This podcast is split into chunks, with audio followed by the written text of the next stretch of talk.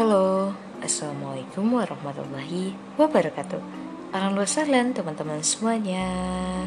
Apa kabarnya teman-teman? Semoga saya selalu ya.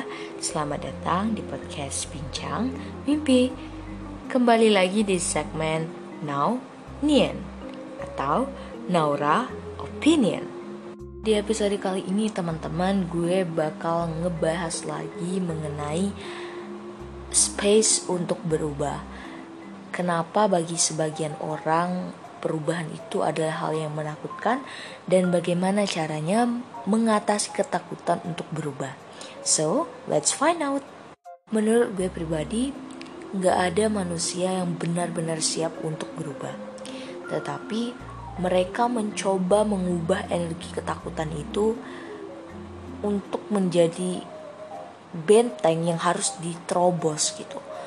Jadi mereka melihat bahwasanya ketika mendapati diri mereka kok kayaknya takut ya untuk berubah? Whether itu kepribadian, sikap jadi lebih baik lagi takut nih omongan orang gimana? Dan gue benar-benar bisa mengerti poin itu karena state orang tuh nggak semuanya sama loh. Jadi kalau lo punya power lo mungkin bakal lebih mudah untuk berubah ketika lo punya status quo di masyarakat yang tinggi atau yang baik gitu ya. Lo bakal mudah untuk berubah. But lo bakal sulit untuk menghadapi perubahan itu ketika lo udah terjerat kepada circle atau kepada sistem atau status sosial lo di mata masyarakat itu kurang baik. Nah itu jauh lebih susah untuk meredakan rasa itu.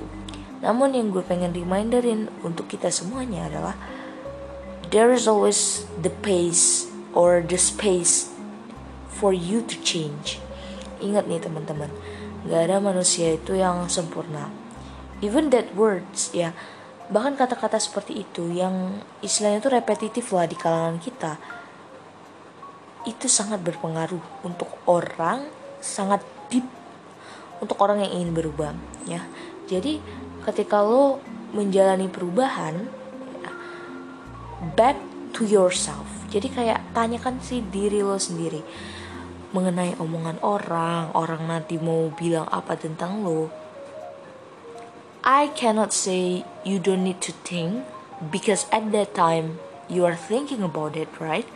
Tapi remind lagi diri lo oh people opinions it's not really perpetuate myself 100% yang tahu diri lo sendiri tuh ya lo yang tahu apa yang lo pengenin, apa yang lo mau kejar, apa yang lo cita-citain, your dream, your hard work, and everything is yourself, and nobody really cares about you actually ingat nih teman-teman nggak orang itu tuh sebenarnya nggak terlalu juga peduli sama lo. Jadi you have to make yourself at the top of your priority. So you don't need to really check care about others opinion.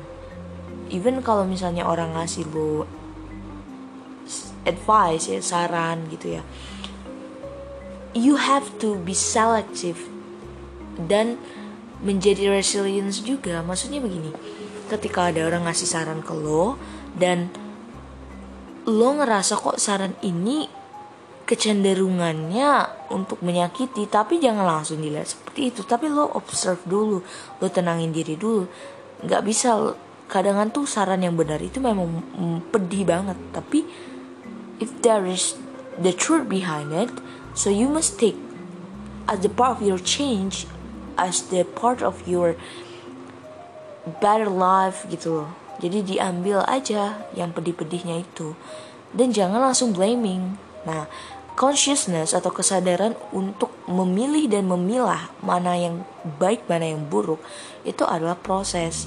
Dan sometimes you feel like oh I'm not that kind of person. I'm not doing it or anything. Uh, tapi lo harus conscious juga bahwasanya you have to have the fair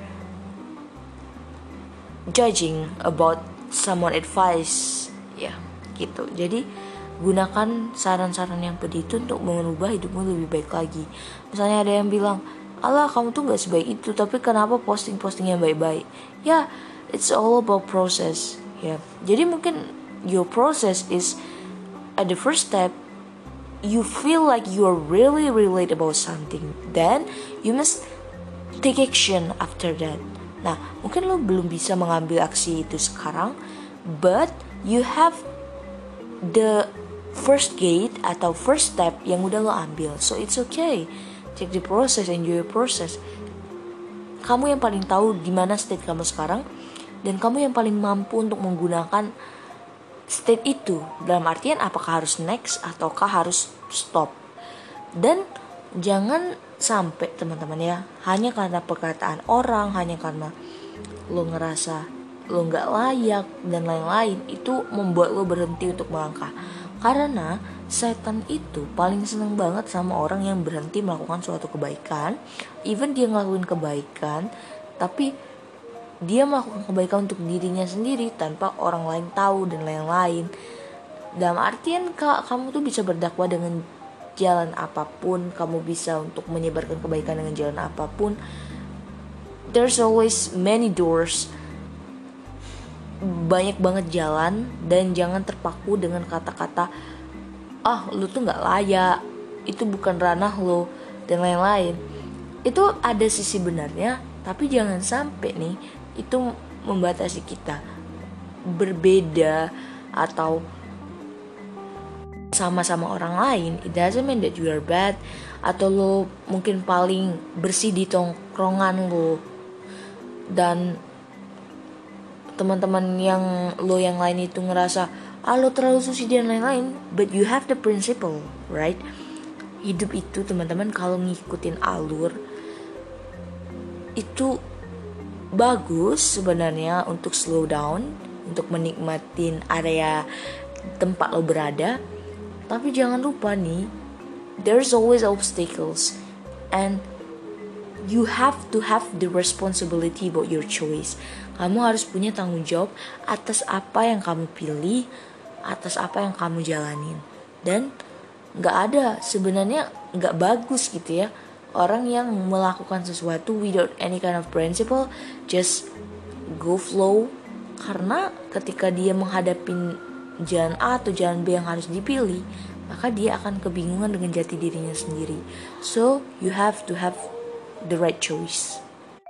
Atau bisa dibilang you have to have the responsibility to identify which choice that you must choose gitu.